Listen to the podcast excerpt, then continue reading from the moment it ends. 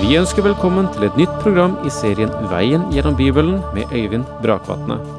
Denne studieserien er produsert av P7 Kristen Riksradio og bygger på serien Through the Bible av Vernon McGee.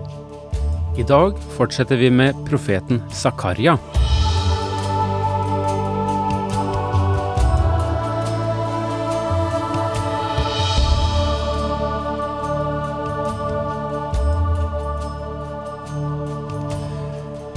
Vi rakk bare en introduksjon, eller deler av en introduksjon, til kapittel fem eh, før vi måtte si farvel til hverandre sist. Og med kapittel fem går vi inn til nye syner. Eh, to nye syner. Nemlig syn nummer åtte og nummer ni av i alt ti som profeten Zakaria hadde. Jeg gjorde oppmerksom på sist at Israel fremstår som et kollektivt begrep. Det vil si at Israel behandles som et folk. Men det betyr ikke at i fremtiden, når Israel skal ha en fremstående plass, også som den som skal evangelisere, føre videre Herrens budskap, at det betyr at hver israelitt, enhver i folket, dermed hører Herren til. Men Herren skal rense ut det opprørske. Det vil han dømme. Og jeg pekte på at eh, Paulus også eh, gjør dette klart når han skriver i Romerbrevet kapittel 9 vers 6, for ikke alle israelitter tilhører virkelig Israel. Det er den nasjonale helheten, det samlede legeme, ikke hvert individ, som vil bli akseptert. Hvert enkelt menneske må være lydig mot Gud, må komme til ham for å bli renset, som vi har sett, og må ta imot Messias. Dette er, synes jeg er verdt å merke seg, og en viktig del av det å se hvordan Gud behandler også sitt eget folk. Og at han legger det samme mal på dem i, dette, i denne sammenheng som han gjør på hedningefolkene, som vi er en del av. Det som er sant om Israel, er også sant om menigheten. At vi er medlemmer av et kirkesamfunn betyr ikke nødvendigvis, dessverre, at vi er ekte kristne, det vil si medlemmer av det samfunn av sanne troende som blir kalt menigheten. Det vil komme en dag da det skal være et skille mellom troende og ikke-troende. Denne store delingen av kirken vil skjeve bortrykkelsen, og skillet for Israels del og for alle folkeslag på jorden vil, ikke, vil, vil skje ved Kristi ankomme når han samler sine utvalgte inn i sitt rike. Deretter vil det bli en dom, og Satan vil bli bundet i tusen år, og alt dette ligger i det bildet som blir gitt oss her. Og du kan sikkert se at dette ble gitt som en oppmuntring til den gudfryktige rest av israelitter på Zakarias tid, så vel som i dag. Og nå til synene som vi møter her i kapittel fem. Og da går vi fra, selvfølgelig fra vers én. Da jeg igjen løftet øynene, fikk jeg se en flyvende bokrull. Det første vi må fastslå, er at den flyvende bokrullen er en bokrull som representerer Guds ord. Denne forklaringen får vi av profeten Esekiel,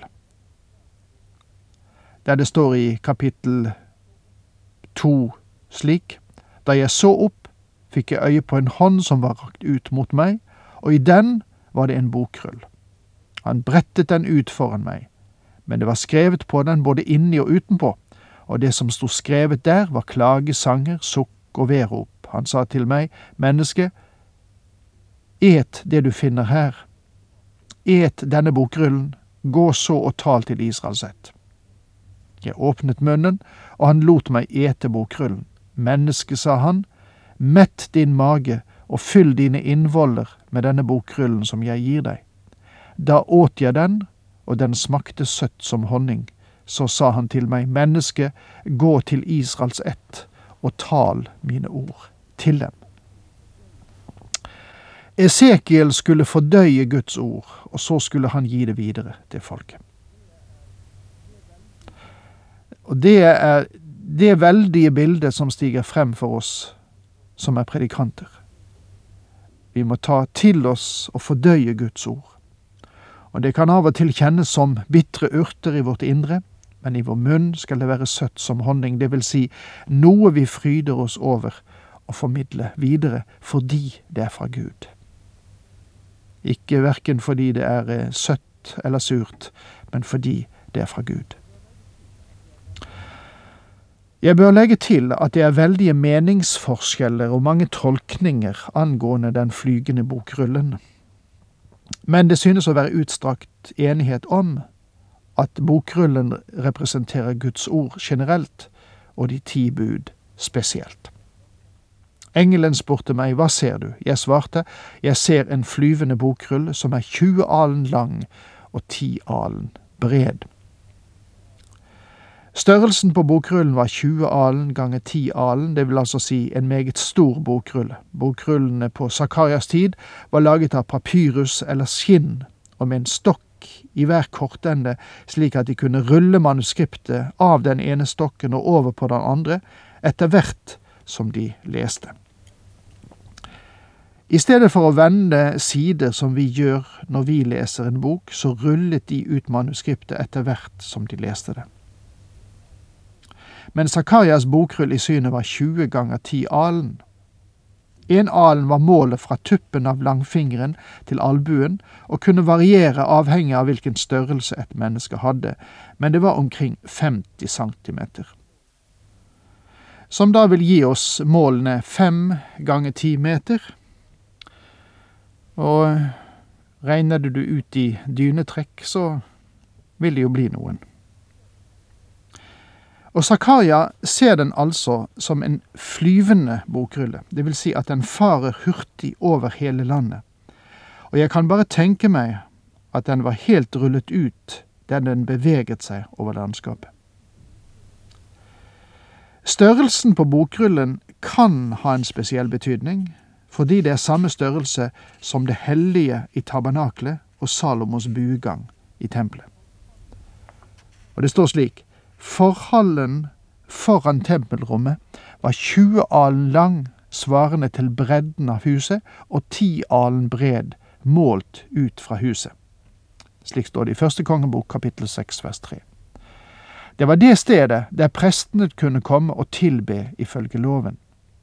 Ingen kunne noensinne gå innenfor forhenget uten når blodet ble stenket der og det ble gjort av øverstepresten bare én gang om året, da han steg inn dit som en representant for hele folket. Og når øverstepresten gikk inn dit, sto han på gjenløst jord, gjenløst gjennom blodet. Du og jeg står i dag også på frigjort grunn. Vi er ikke blitt løskjøpt gjennom gull eller sølv, eller ved kostbare stener eller juveler, men med Kristi dyrebare blod.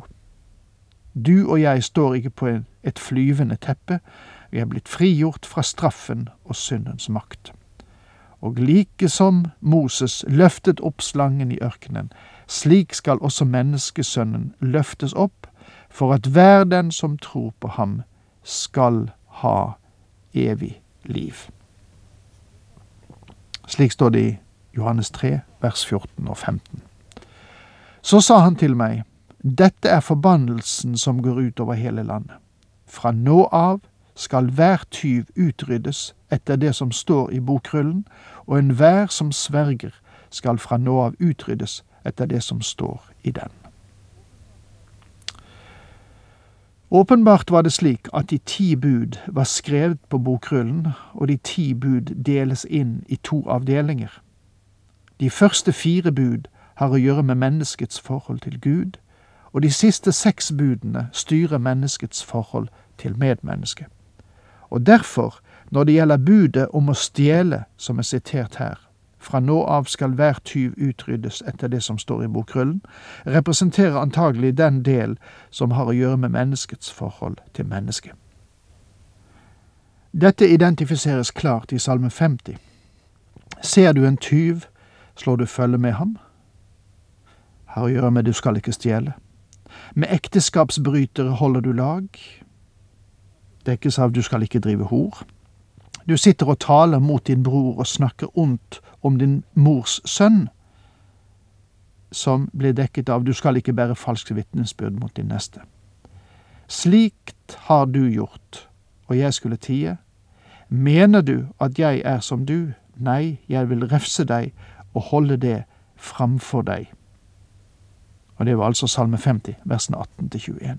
Nå vel, fordi mennesket på den tid brøt de ti bud uten at de fikk smake Guds straff for det, så trakk de den konklusjonen at han var slik de var, og ikke ville gjøre noe med deres overtredelser. Men Gud sier at han vil gjøre noe med dem. Moseloven ble gitt til Israel, og den skulle bli folkets lov, og de skulle adlyde loven. Vel, de var ulydige mot loven, og da drev Gud dem ut av landet. Og i deres adspredelse blant folkeslagene så la de til side Moseloven. Tegnet på sivilisasjon har vært Guds bud, som spesielt har hatt å gjøre med menneskets relasjoner til mennesket. Jeg vil at dere skal merke dere det vesentlige prinsipp som nedfelles her angående loven og spesielt de ti bud. De ti bud ble gitt til Israels folke, der de sto ved verdens veiskiller, og de tok dem med seg der de dro. Disse bud hadde en veldig innflytelse på Egypt da Israel vokste til et folk der. Da de dro til Asyria og Babylon i fangenskap, fikk disse budene stor innflytelse på disse verdensrikene. De hadde også innflytelse på det gresk-makedonske riket og på det romerske imperium. De ti bud skapte en sivilisasjon. Du kan si hva du vil, men de store kulturer i denne verden har hatt disse lovene som basis. Du skal ikke stjele, du skal ikke drepe, du skal ikke bære falsk vitnesbyrd, du skal ikke drive hor. Dette har vært grunnleggende forutsetninger for nasjoner, for å bygge hjem, for å bygge liv, og har gjort store sivilisasjoner mulig. Så lenge vårt folk hadde dem som sin klippe å bygge på, var de velsignet av Gud, og våre problemer var få sammenlignet med det de er i dag. Men vårt verdenssamfunn har vraket dem, og vi er kommet til samme punkt som israelsfolket gjorde. Gud har gitt Israel som et eksempel. Gud sier, selv om jeg har valgt Israel som et folk, vil jeg dømme hvert enkelt menneske som bryter mine bud. Og så presenteres da den flyvende bokrullen for hele verden, der grunnlaget Gud vil holde fast ved for å dømme nasjonene. Det interessante er at det er meget vanskelig å finne noe galt med loven. Og med det må jeg si takk for nå. Herren med deg.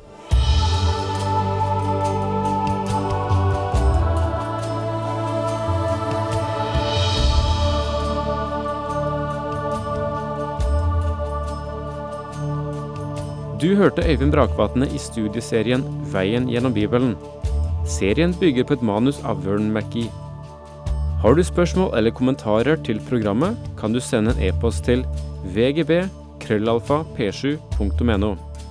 Takk for i dag, og på gjenhør.